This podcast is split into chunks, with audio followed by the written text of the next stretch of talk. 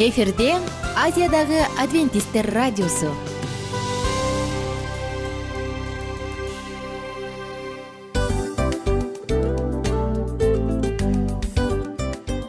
Достор салют. Баардык сүйүктүү угармандарыбызга салам айтабыз. Кутман күнүңүздөр менен. Ден соолук өмүрдүн булагы демекчи саламат саамы программасында баарыңыздарды көргөнүбүзгө абдан кубанычтабыз. Анда алгач амандашып өтөлү арбаңыздар деп. Ден соолугуңуздар кандай элибизде көбүнчө ден соолук кандай дегенде эле жакшы деп жооп беребиз э? ооруп турсак дагы жакшы дейбиз. Анан мен муну айтып ойлойт элем бул абдан сонун сөз депчи анткени бул жакшы деген үмүт да э баары жакшы болот баары сонун. Деп үмүттөнүп атып эле өзүбүздү өзүбүз дарылап коебуз. Анысы кандай? Сиздин дагы ден соолугуңуз жакшы беш деген үмүттөбүз чындыгында ден соолук бул өмүрдүн булагы деп бекеринен айтылган эмес деп ойлойм. Кыргыз элинде анткени эгерде ден соолук жок болсо анда адамдын жашоосунда калган баардык керектүү маңыздуу нерселер өзүнүн баалуулугун жоготуп коет. Ошондуктан ден соолук бул эң керектүү нерсе. Ооба туура айтасың кесиптешим. Чынында ден соолугуң жок бир эки үч күн ооруп калсаң эле э кандай болуп калат? Жашоодо көз каранды болуп каласың көп нерсеге жетишпей каласың көп нерсени кыла албай каласың жада калса эшикке дүкөнгө да чыга албай каласың. Туптуура анан ден соолук болсо демек биз биздин бактыбыз тотой деп койсок болот. Анда достор саламат саамы рубрикабызды баштайлы. Алдыда өзүңүзгө керектүү болгон сонун кеңештерди уга аласыздар. Мына ошондуктан биз менен бирге болуңуздар. Ал эми биз болсо милан жана айнура. Кеттик алга. Алга саламат саама ден соолуктун жарчысы. Саламат саама ден соолуктун ачкычы. Күн сайын сиз үчүн мыкты кеңештер сонун жаңылыктар кызыктуу фактылар биздин рубрикада.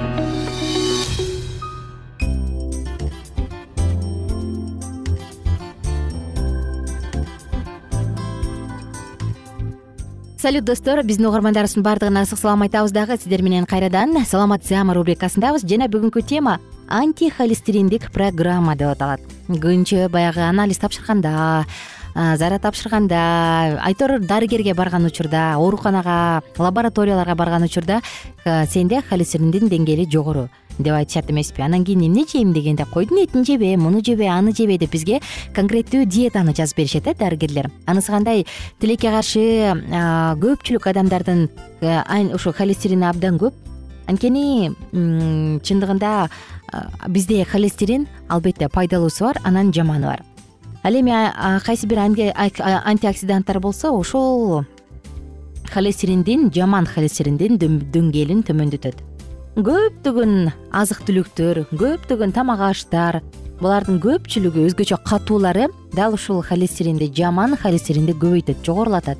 Өзгөчө бул бүтүн бүт эле эт эттин түрү өзгөчө тушенка же болбосо иштетилген эт сосиска болушу мүмкүн. Колбаса ветчина жана башкалар.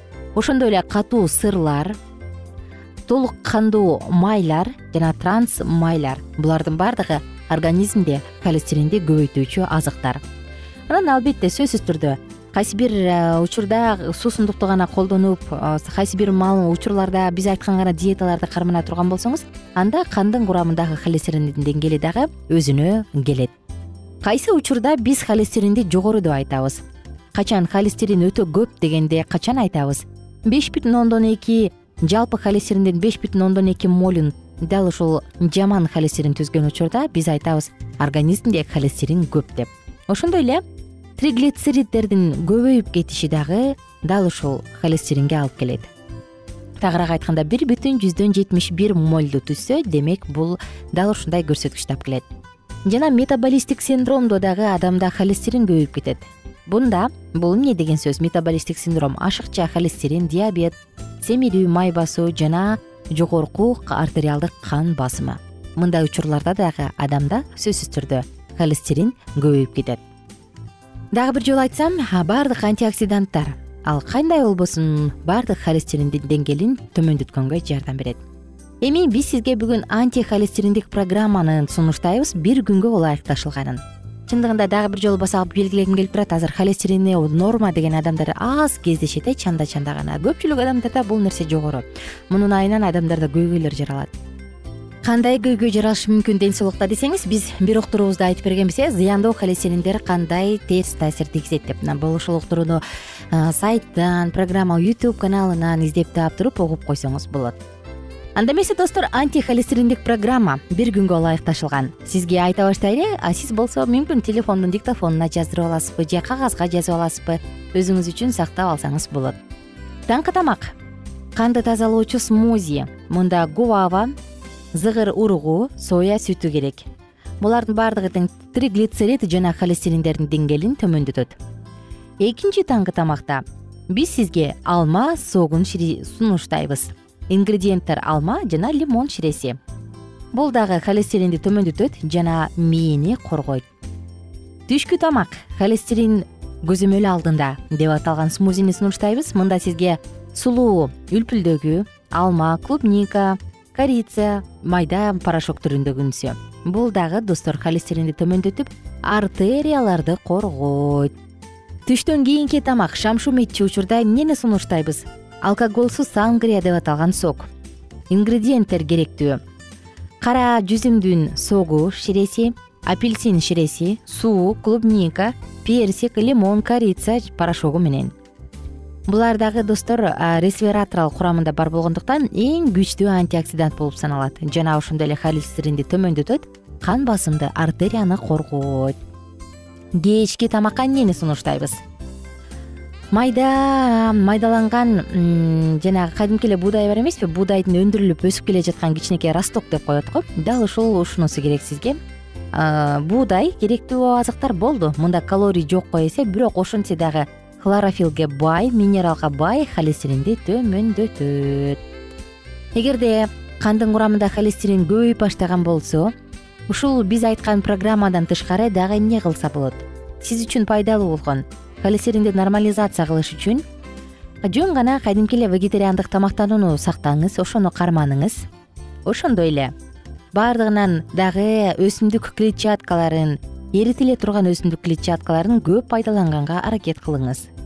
Жана кумшекерди колдонууну толук кандуу баягы каныккан майлар деп коебуз го. Каныккан майларды кумшекерди пайдаланууну төмөндөтүңүз май каймактарды э, зыгыр майына алмаштырыңыз. Дайыма регулярдуу түрдө физикалык көнүгүүлөрдү жасаңыз.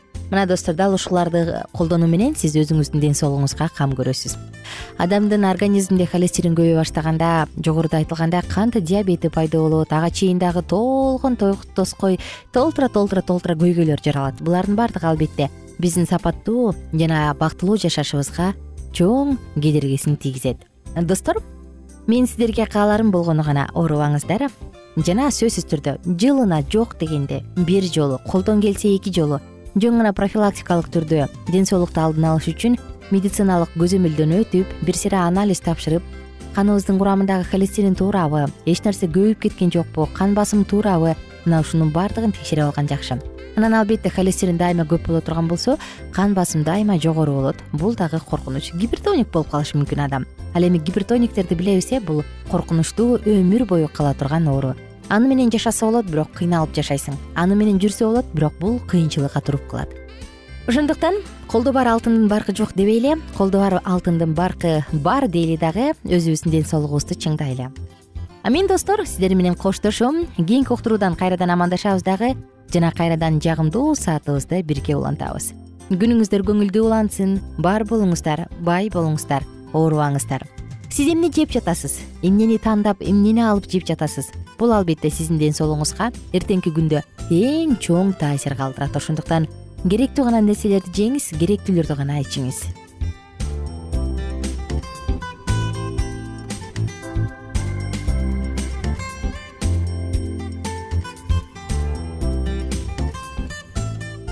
кененирээк маалыматтар үчүн үч w чекит саламат чекит клуб сайтына келип таанышыңыздар.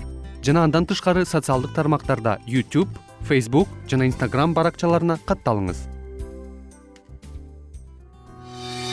Саламат саама ден соолуктун жарчысы. Саламат саама ден соолуктун ачкычы. Күн сайын сиз үчүн мыкты кеңештер сонун жаңылыктар кызыктуу фактылар. Биздин рубрикада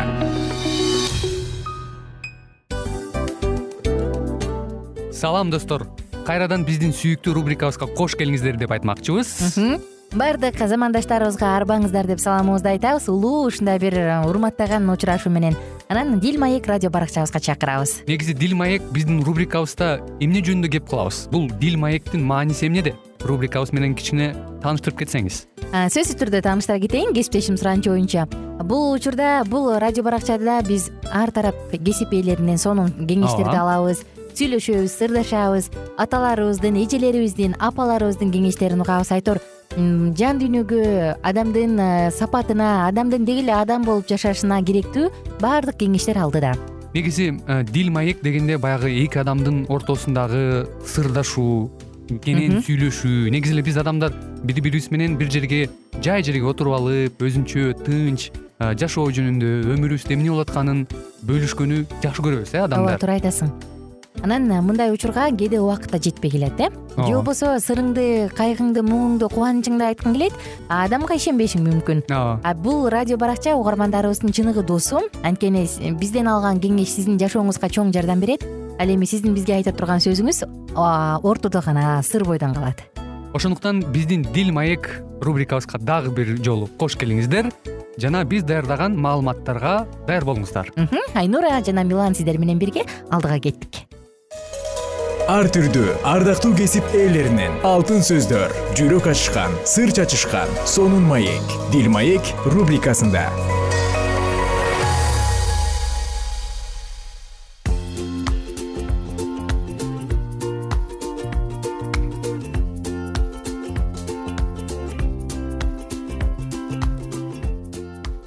Амансыздарбы ардактуу радио курмандарыбыз. Кайрадан эле биз сиздер менен дил маек уктуруусун улантабыз салют достор. Маанайыңыздар сонунбу бизде болсо баары сонун. Анткени биз э, сиздер менен бирге адамдын үй бүлөнүн маселелерин чечкенге киришип жатабыз э билекти тирүү алып туруп мына ошондуктан жалпыңыздарды дагы бүгүнкү дил маек уктуруусуна чакырабыз.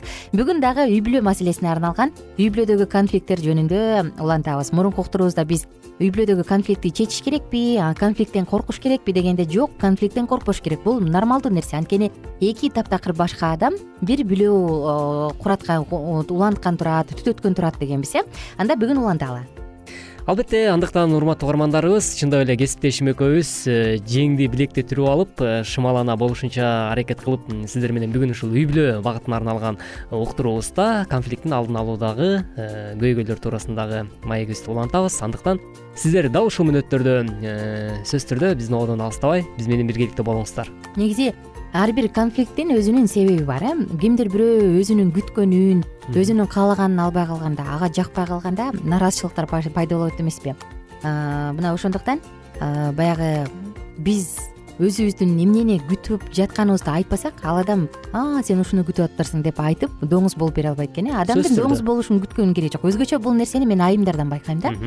Айымдар айтпайт эмнени каалап атканын эмнени кийгиси келип атканын же болбосо жөн гана мисалы кийим алгысы келип атканын айтпайт дагы анан бултуң бултуң болуп эле анан кыйыта берет кыйытма кылып айта берет да баягы намек деп коебуз го.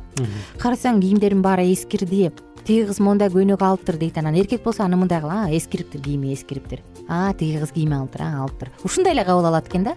Ал биздин мага кийим алып берчи айланайын секетиң дегенди айткыбыз келип атканын оңой менен түшүнбөйт экен да. Биз кыйытмалар менен айта бергендиктен мырзаларга көп бул нерсе жетпейт экен да анан анын ордуна дейт э, психологдор айтат дейт алтыным жумушта бир кыз ушундай ушундай көйнөк алыптыр мага абдан жакты. А сен алып берген көйнөктү үч жылдан бери кийип жүрөм мен аны андан ары кийгим келбей калды эгер мүмкүнчүлүгүң болсо мага алып берсең жакшы болмок. Мен сени алып беришиңди каалап атам. Деп эле моундай тарс эле бетке эле айтыш керек дейт да. Бул жөнүндө. Демек чындап эле өзүң айткандай бул жерде баягы айымдар көбүрөөк э, мындай ачыктык э, мүнөз менен э, өткүрлүк менен эле жолдошуна карата айтыш керек деген ойду айткың келди окшойт э? Ооба. Күтүүлөрдү же болбосо жөнөкөй эле мисалы туулган күндө өзгөчө белек алгысы келип атат бирок ал туулган күндө жолдошу ага жөн эле мындай катардагы эле белекти кыйрып койду да. Балким жупуну ооба а бирок ага чейин ал келинчеги алтын шакекти болгусу келгенин айтып келген да. Ай кыздын ушундай шакеги бар экен. Бул шакекти алтындарды катып койсо болот кийин мындай кылса болот бул деген эми бул деле өзүнчө бир мүлк кичинекей мүлк деген сыяктуу айтып келди бирок жолдошу анын баарын сыртка калтырды дагы туулган күндө жөнөкөй эле. Мисалы эмне боек салган сандык алып берди деп коелу э. Анан келинчеги карасаң ушуну алып мен айтып келбедим беле эмне кантип ушуга жеткен жок деп анан бултуңдайт экен да анан жакшынакай белек берсем эмне нааразы болуп атат деп жолдошу да бултуңдай баштайт экен. Анын ордуна туулган күнү баштала келе электе эле «Э, мен ушундай алтын шакек тагынгым келип атат. Деп эгер мурун жолдошу убада берген болсо билесиңби сен ушинтип убада кылгансың мен ошону күтүп жүрөм абдан. Деп жемелеп эмес күнөөлөп эмес а өзүнүн эле каалоосун ачык айтып койсо мен ойлойм бул жолдошунун алтын шакек алып бергенге аракет кылганына да жардам берет депчи. Ооба туура.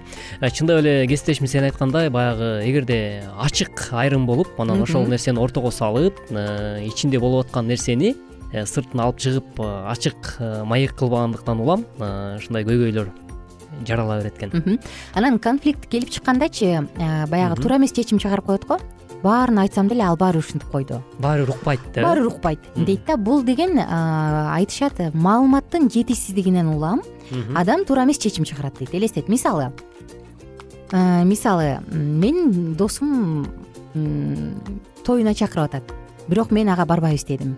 Деп өзү эле жолдошу чечим чыгарып койду да келинчеги ага абдан нааразы болуп карасаң өзү эле чечим чыгарып коет менин сөзүм буга бош орун карасаң минтет дейт да. Анын ордуна эмнегедир мени менен мындай кеңешпейт кеңешпейт пикир алышпайт эмнеге? Мен эмне бош орунбу мен эч ким эмесминби дейт экен да.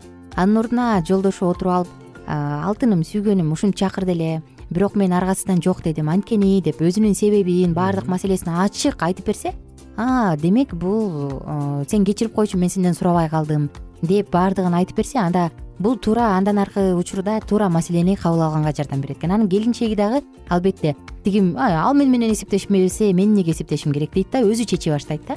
А качан баягы маалымат жетиштүү түрдө берилгенде биздин туура чечим кабыл алышыбызга түрткү берет экен сөзсүз түрдө жогоруда өзүң айткандай эле кесиптешим. Баягы маалыматтын аздыгынан улам дагы э, көп учурда адамдар баягы э, конфликттин алдын алууда туура чечүүнүн бир кадамдарын дагы э, изилдебегендиктен анын үстүндө мындай ой жүгүртпөгөндүктөн дагы биз ошонун таасиринин алдында калып анан баягы тагдырым эми ушундай болуп калыптыр деп анан бир жашай берет экен да. Ооба. Конфликттин стадиялары бар э? Бул биринчи эле кезектеги стадия көйгөй пайда болду анан чыңалуу пайда болду. Сен каалап атасың бетиң кызарып мүмкүн буркан шаркан түшүп атасың чыңалуу пайда болду. Экинчи стадияда биз ушул көйгөй менен бетме бет жолугушабыз. Экинчи адам менен бетме бет жолугушабыз дагы конфликт андан ары чыңалып өсө баштайт экен. Бул конкреттүү эле бул нормальдуу нерсе. Анан үчүнчү стадияда албетте жыйынтык ушул жыйынтыктар ушул процесс жакшы жүрүш үчүн биз ушул конфликтте толеранттуулукту көргөзө алышыбыз керек экен да. Анда кантип чыгабыз конфликттен сенин оюңду угалычы менин оюмча негизи эле конфликттен чыгуунун жолдору бул сөзсүз түрдө биз буга чейин кесиптешим сен жакшы ойлор менен бөлүштүң.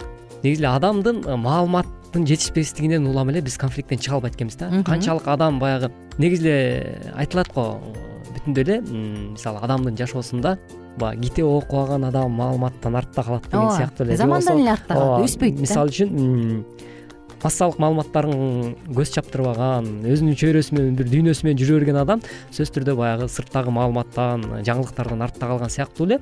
Эгерде ошол адам э, үй бүлөдө болуп аткан көйгөйдөн чыгууну чындап эле кааласа чындап эле ошого умтулса анда ал сөзсүз түрдө бир маалыматтарды издейт. Бүгүнкү күндө биз жазып аткан уктурууну э, жазып аткан сыяктуу эле ошол нерселерден угуп маалымат алайын деген адам баягы өзүнүн үстүнөн иштеп анан бир э, мындай чыгуу жолун издейт экен да.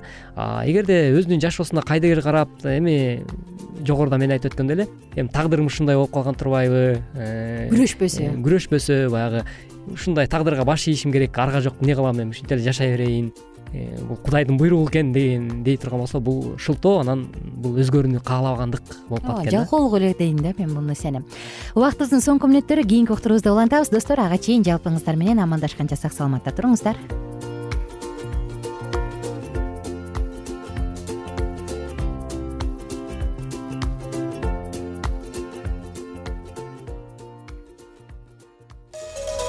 ар түрдүү ардактуу кесип ээлеринен. Алтын сөздөр жүрөк ачышкан сыр чачышкан сонун маек. Дил маек рубрикасында.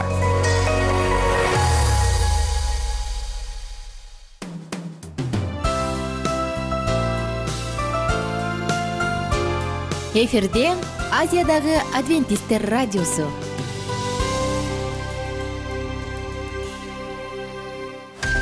жан дүйнөңдү байыткан жүрөгүңдү азыктанткан жашооңо маңыз тартуулаган жан азык рубрикасы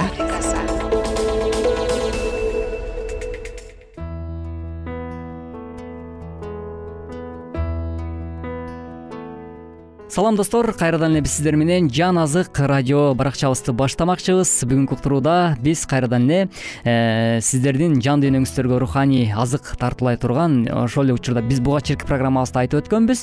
Э, жамандыкка жакшылык деген теманын алкагында сөз кылып э, келатканбыз кесиптешим экөөбүз ошол эле программабыздын алкагында маегибизди улантмакчыбыз. Достор жалпыңыздарга ысык салам айтам. Мен дагы жана кайрадан үн алышканыбызга кубанычтамын. Эске салсак мурунку уктуруубузда биз анда жакшылык менен жооп бергенге кантип үйрөнөбүз деген маселени кабыргасынан коюп сөз кылып атканбыз э? Албетте. Анан бир айтканбыз бизге үлгү керек депчи. Биз абройлуу биз мындай авторитет туткан о! деп биз үчүн абройлуу болгон биз үчүн бийик болгон бирөөнөн үлгү алсак бул жакшылык жасаганга жакшы нерсени кылганга бизге канчалык бирден кэле мотивация берет деп айтканбыз э? Ооба сөзсүз түрдө э, кесиптешим да өзүнүн оюн кошумчалап жана ошол эле учурда э, айтып өткөн э, биз канткенде ушул жамандык кылган учурда жакшылык менен жооп кайтара алабыз деген ушул биздин программабыздын алкагында өзүнүн ойлору менен эң сонун баягы өзүнүн жашоосунда жеке үй бүлөлүк жашоосунда дагы болгон айрым бир көрүнүштөр менен дагы мисал катары айтып өткөн. Улан биз мурунку уктурууда сен элчи пабылдын сөздөрүнөн айта кетпедиң белең э? Эгерде сүйүү жок болсо зың эткен жезбиз депчи. Анан ушул эле адам айтыптыр да неме деп эгерде биз тилдерде сүйлөсөк дейт ар кандайчы кереметтерди көргөзсөк дейт укмушту укмуш кылсак дейт да биз укмуштун укмушу супердин супери болсок бирок билимге деле ээ болсок дейт билимге ээ болсок дейт бирок бизде сүйүү жок болсо анда мунун баары бекер дейт да элестет э? Мисалы сенин биз эми ааламда ак менен кара жанашып жүрөт го э? Биз көбүнчө кудай үчүн деп кылабыз. Анан өзүм үчүн же дүйнө үчүн же бир даңк үчүн деп жасайбыз да. Анан көбүнчө биздин баалуулук эмне? Мен да ойлойм ушул жакшылык э, кылганды үйрөнүш үчүн биз өзүбүздүн баалуулугубузду биринчи биле алышыбыз керек го дейм эмне мен үчүн эмне баалуулук э, сен болочокто сен үчүн эмне баалуулук ошол нерсе дагы абдан маанилүү го дейм эгерде менин жашоомдо эптеп эле байып бийликке байлыкка ээ болуп эптеп эле ушул жашоонун ырахатын алып жашагым келсе анда мен ойлойм мен эч качан адамга жардам бере албайм депчи. Ооба сөзсүз түрдө туптуура айтасың? Эгерде менин жашоомдо баалуулук жок мен кийин жараткандын алдына барганда уялбай жашагым келет уялбай тургум келет мен өмүргө ээ болгум келет мен бейишке баргым келет деген ушундай бир башка мындай бийик баалуулук боло турган болсо мен ойлойм анда бизге жамандык кылып атса дагы оң бетке чаап атса сол бетибизди тосуп бере алат болушубуз керек да. Туптуура ал эми сен айткандай эле э, өз учурунда атак даңктуу сулайман аттуу пайгамбар дагы жакшы бир накыл кээн калтырып өткөн экен да.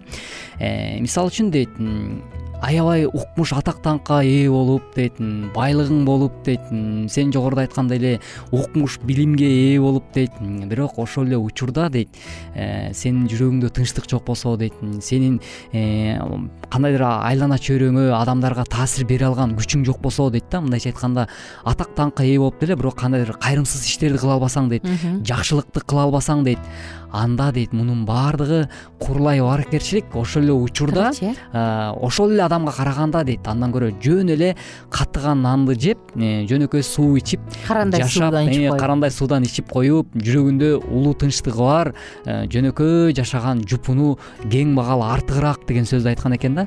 Анан ушул сөздө канчалаган мындай терең маани маани жаткандыгын кээде биз мындай өтө деле маани бербейт экенбиз да.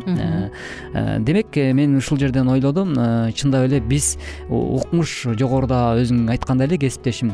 Э, билимге ээ болбойлу канчалык тилдерде сүйлөбөйлү э, канчалык бир мансапка ээ болуп жакшы бир креслодо отуруп иш кылбайлы. Бирок сен өзүңдүн айлана чөйрөңдө кыйналган адамдарга карата болгон кайрымдуулугуң жок болсо жүрөгүңдө кичинекей бир жакшылык кылайын деген ниетиң жок болсо анда мунун баардыгынын эмне кереги бар деген ой болот да туура айтасың кесиптеш чындыгында сулайман пайгамбар дүйнө боюнча аалам боюнча эң акылман э анан эң бай болгон ага чейин да андан кийин да адам болгон эмес э мындай. Карап отурсаң ошол адам айтат да кээде таң калып коем ошол кереметтергечи ал адам айтып койгон экен эме деп. Биздин жашообуздун эң эле жакшы учуру бул эмгектенгенибиз дейт. Эмгектенип тамак жегенибиз дейт да. Анан ооруган күндөрүбүз эң эле жакшы күндөр бактылуу учурлар бактылуу учурлар дейт да элестет э биз көбүнчө бактылуу болгондо бактылуу болгубуз келет дегенде материалдык жактан жетиштүү жашоону элестетебиз э. Оорубай ары бери саякаттап тим эле жыргап жашаганды элестетебиз. Бирок сулаймандын ушул ааламды кыдырган акылмандуулугу менен ата атак даңкы менен ушундай түгөрөктүн төрт бурчуна жеткен адам сенин эң жакшы бактылуу күндөрүң дейт. Жумуш эмгектенген күндөрүң анан ооруган күндөрүң дейт. Кызык. Жамандыкка кантип жакшылык менен жооп бергенди үйрөнөбүз. Мына бүгүнкү биздин темабыз. Анда сиздин дагы оюңуз болсо сөзсүз түрдө ылдый жакта айтылчу whatsapp номурга пикириңизди калтырып койсоңуз болот. Мүмкүн дагы бир аз сөз кыларбыз. Эмнеси кандай кылганда биз жакшылык менен жооп бере алабыз чындап эле э, бүгүнкү күндө э, баягы жамандык кылган адамга жакшылык э, менен кайрадан мамилеңди өзгөртүү албетте кыйын. Бирок ошонун үстүндө машыгууга аракеттенген адам анда сөзсүз түрдө жеңишке ээ болот деп мен айта алам да. Анан мисалы мен бир нерсеге аябай маани берип анан ушундай бир окуяга туш болдум да. Айылда менин бир жеңем бар эле. Анан дайыма анын баягы абысындар арасында өзүнчө бир клан анан өзүнчө бир өзүнчө бир топ абройлору бар өзүнчө бир аброю бар ушундай бир даражалары бар ооба даражалары бар э, көрүнүштөр болот эмеспи анан ошондо бир э, жеңемди дайыма эле мындай э, кысып аны тыйышып эле аны мындайча айтканда баягы басынтып ушундай кыла берчү экен да. Бирок ал жеңем э, эч убакта ошол э, кысымга дагы мындай чүнчүсө дагы бирок тескери карама каршы мамиле кылып дайыма жайдары дайыма э, дасторкону жайык дегендейчи ысык чайы даяр ар дайым ушундай мамиле кылып атып анан жеңип алган экен да. Анан ошону бүгүнкү күндө ал сыймыктануу менен айтып берет да. Ошону угуп отуруп мен мындай э, ойлоо тыянак чыгардым демек ар бир инсан бүгүнкү күндө дагы ошол менин жеңем э, ошондой ишти кылган сыяктуу эле канчалык сени басынтпасын канчалык сага э, жакшылык кылсаң деле жамандык кыла берген адамды бул жерде мындай сүйүү менен сүйүү менен жеңип алсаң анда албетте сен жеңишке жетет экенсиң жакшы. Достор биздин убактыбыз соңуна келип калды. Кийинки уктуруубузда дагы улантып ушунун алкагында буюрса сөз кылабыз. Э, мүмкүн мен ойлоп атам кийинки уктурууда эмне үчүн жакшылык кылыш керек деп сөз кылып көрсөкпү э? эмне себептен? Мисалы жамандыкка жакшылык кылыш керек деп атабыз бирок эмнеге? Андан мага кандай пайда? Деп ойлошу мүмкүн да угармандар. Мына ушул жөнүндө сөз кылсак болот. Жалпыңыздар менен коштошобуз. Күнүңүздөр көңүлдүү улансын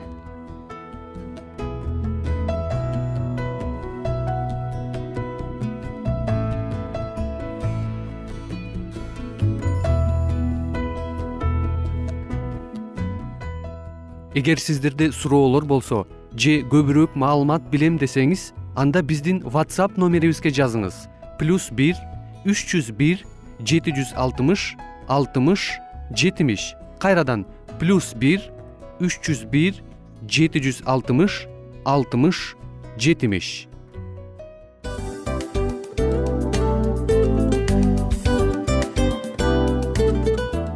достор биздин радио баракчаларыбыз соңуна келди. Демек бул программабызды дагы жыйынтыктачу учур келдик. Учурга келдик. Анан кесиптешимден сурагым келип турат. Негизи эле иштин башталып атканы кубандырабы сени же жыйынтыгы кубандырабы? Албетте жыйынтыгы. Себеп дегенде сен кылган ишиңдин жыйынтыгын көрүп э, баягы мөмөсүн көрүп дегендей жыргайсың жүрөгүң жемишинен тартып э кандай даамдуу деп. Баягы буудай сепкенде эмес буудай эгинди жыйнагандан кийин ысык нанды жегенде кадимкидей ырахаттанасың го ой айтпа туура айта кеттиңиз. Сонун салыштыруу болду анан мен дагы абдан кубанып турам. Анткени биз угармандарыбыз үчүн аябай эмгектенип келген уктуруубуздун соңуна келип калдык. Анан эми уктуруубуздун соңунда угармандар кандай пайда алып калды экен деп күтүп турам да. Балким э, менин жашоомо өзгөрүү киргизе турган сонун сөздөр болду мен ушул нерсени изилдеп анан кабыл албасам ушул нерсени кылбасам деген чечим чыгарсаңыз анда биз абдан кубанычтабыз. Сөзсүз түрдө. Андыктан кийинки биздин кызыктуу уктурууларыбыздан көрүшкөнчө сак саламатта калыңыздар. Чыдамсыздык менен сиздерди мен милан жана кесиптешим айнура күтөбүз. Баардык угармандарыбызга ийгиликтүү күн каалайбыз. Качан гана болбосун уртуңуздан жылмаюу кетпесин үйүңүздө көмүр жүрөгүңүздө көңүл болсун дейли